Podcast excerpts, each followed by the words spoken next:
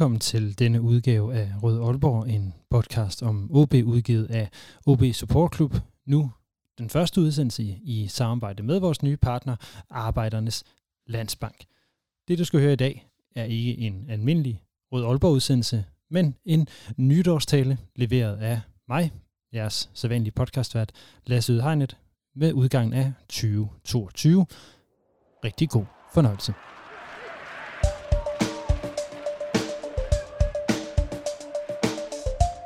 Mit navn er Lønge Jacobsen, og du lytter lige nu til Rød Aalborg.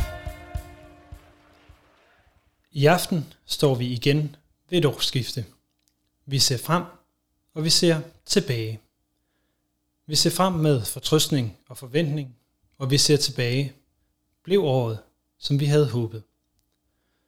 Som OB-supporter, fan og tilhænger er svaret ganske enkelt. Nej. Året 2022 bragte os, hvad ikke engang vores underbevidsthed kunne have udsat os for i vores værste mareridt.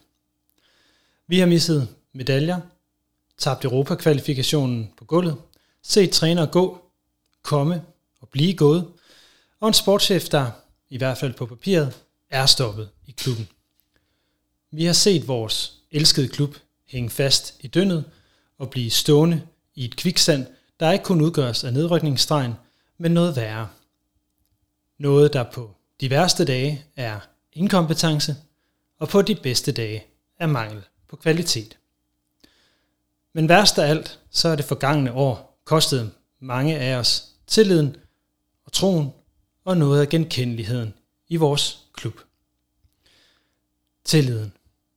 Tilliden til, at OB er ledet af de rigtige folk. Tilliden til, at den retning, der er sat, er rigtig for klubben. Den tillid led et knæk, jeg ikke kan huske at se et man til, da Lars Friis blev opsagt i september. Troen. Troen på, at det bliver bedre, og at klubben er stærk nok til at overleve ved egen kraft, har også lidt et knæk. Tilbage er genkendeligheden. Hver gang vi taler om OB, vores værdier, der taler vi om ordentlighed. At det er der, vi skiller os ud fra de andre danske klubber. Vi er ordentlige. OB er en ordentlig klub. Og i år har vi hørt historier om mærkelige beløb, der bliver kørt gennem klubben for at blive betalt til agenter. Vi har hørt om en træner, der er blevet bedt om at pakke sit kontor sammen kl. 23 om aftenen, uden at få lov til at sige farvel til sin spillertrup, som havde man taget af kassen. Er det ordentlighed? At afskede en leder i ly af natten? At der er rygter om penge, der går ind og ud af klubkassen med et lysskyt skær. OB er en klub fra 1885 og et aktieselskab fra 1987. Den modsætningsfyldte dualitet har det forgangne år også vist, at vi kæmper med noget eksistentielt i og omkring vores klub. Hvor starter det ene, og hvor slutter det andet? Det kan være svært at se, og endda forstå, at de to er forskellige. Fælles for de to, fodboldklubben og aktieselskabet, er, at de deler logo, farver, træningsanlæg, baner, kantine, og forskellen er, at den ene det er en forening, og den anden er en virksomhed.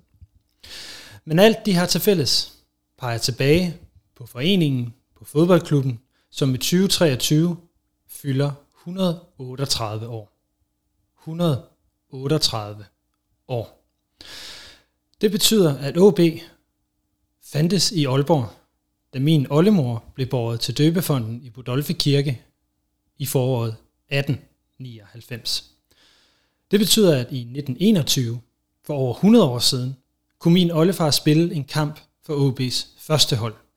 Dengang var stadion kun et år gammelt. AB er ældre, end vi kan forestille os. Og som Aalborgenser og nordjyder er det en af de meget få ting, vi i generationer har været fælles om. AB er en del af en fælles referencerange, som man kun har, når man hører til i Nordjylland.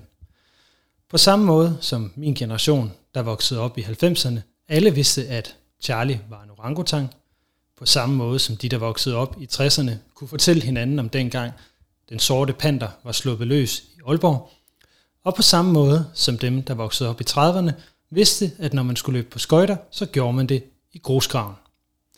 Men OB rækker så langt tilbage, at kunne jeg rejse tilbage i tiden og drikke en kop eftermiddagskaffe hos min oldemor og oldefar, så ville vi stadigvæk have en ting til fælles. Vi ville snakke om, hvordan det gik med OB i weekenden. Den slags historie er unik. OB Aktieselskab er fra 1987 og vokset ud af den fodboldklub med den lange, unikke historie. Selskabet henter sin legitimitet som hele Nordjyllands hold fra den klub. Det er navnet, logoet og striberne, der gør, at den er plantet i den nordjyske muld, og ikke bare en forretning, som man kan være kunde i, som en hver anden forretning. Forskellen på OB af 1885 og OB Aktieselskab er, at de sidste skal være økonomisk konkurrencedygtige og allerhelst tjene penge til sine aktionærer, mens det første er noget, der er til for sine medlemmer. Det år, som nu går på held, har gjort det klart, at OB som helhed snart bliver opslugt af den moderne fodbold. Det kræver millioner at være med i Superligaen. Så mange penge, at det ikke længere ser ud til, at vi kan klare det alene her i Nordjylland. Den beslutning har klubbens ledelse taget. Vi kan ikke længere klare det selv. Så skal der være et OB i toppen af dansk fodbold, så skal der penge ind udefra. Derfor er der lige nu forhandlinger om, at klubben skal have en ny ejer. Hvordan konstruktionen ser ud, det ved vi ikke endnu. Det vi ved er, at forhandlingerne er fremskredende, og at klubben mangler og bløder penge, som ingen har råd til at bløde penge. Også selvom klubbens nuværende ejerkreds lige har puttet flere penge ind i klubben. Faktum er, at det OB, vi kommer til at se i 2023, ikke er det samme OB, vi har kendt de, de sidste 138 år. For enten så bliver klubben solgt, den bliver gældsat på en måde, der ser uoverskuelig ud, eller også så rykker vi ned. Det OB, vi kender, vil i den ene eller den anden form forsvinde næste år. Og som fans står vi splittet om, hvad der er bedst for OB, og hvad det er, vi hver især ønsker, at der skal ske. Ønsker vi en klub, som vi kender, med risiko for en fremtid i divisionerne? Ønsker vi en topklub med risiko for at være en del af et flerklubs ejerskab, eller måske endda et franchise? At vi står med de muligheder nu, handler ikke kun om OB, men om fodbolden som sport, der har udviklet sig i en ekstrem retning. Den retning mener jeg, at vi bør bekæmpe. For hvorfor skal en fodboldklub i Nordjylland have en udenlandsk ejer for at være konkurrencedygtig i Danmark? Det er hverken klogt, logisk eller bæredygtigt. Men kan vi overhovedet allerede kende den klub, vi støtter nu? Og hvad vil gå tabt, hvis OB bliver ejet af nogle andre?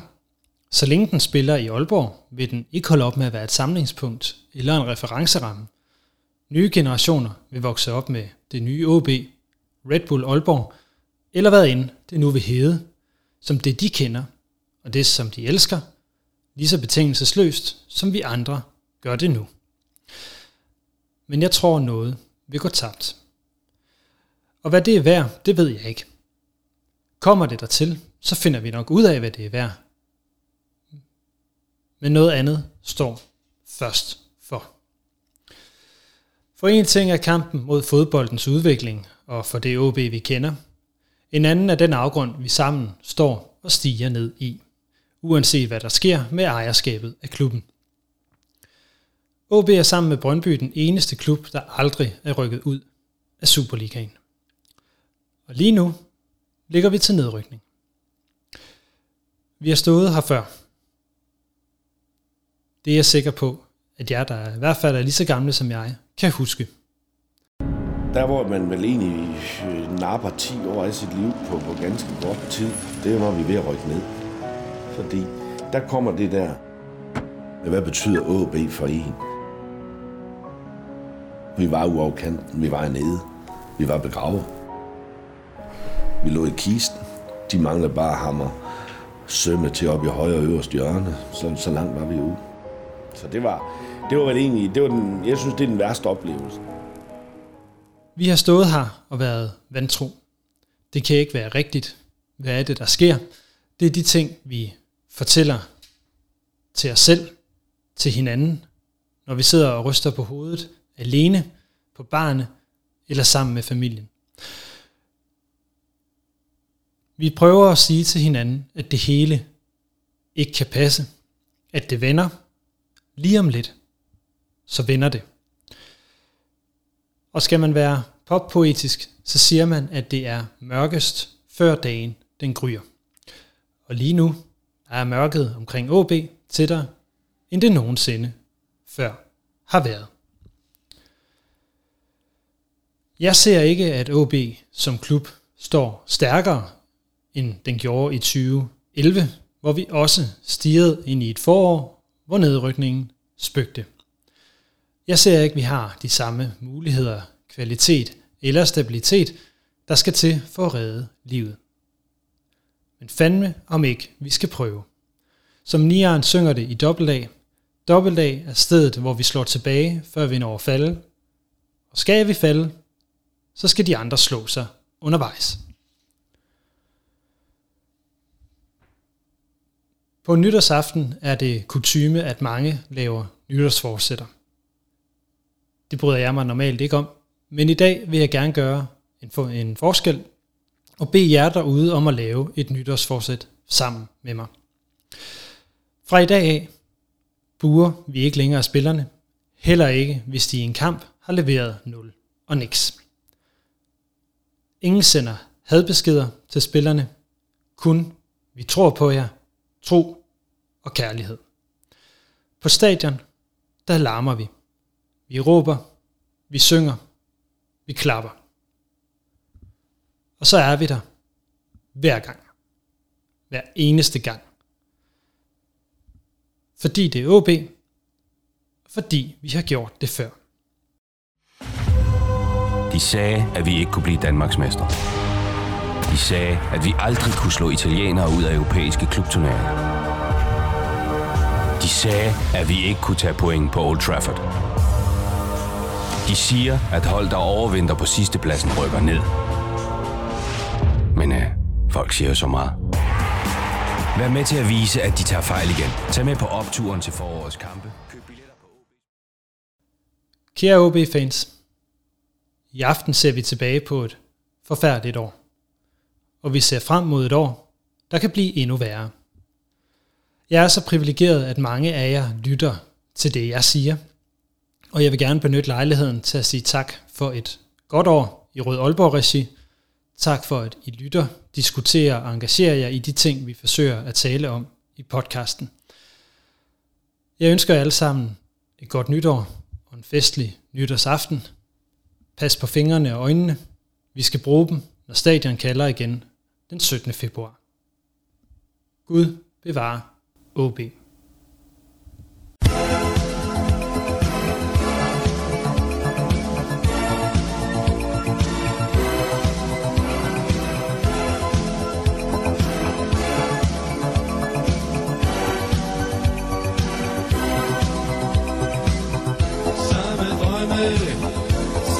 Ambition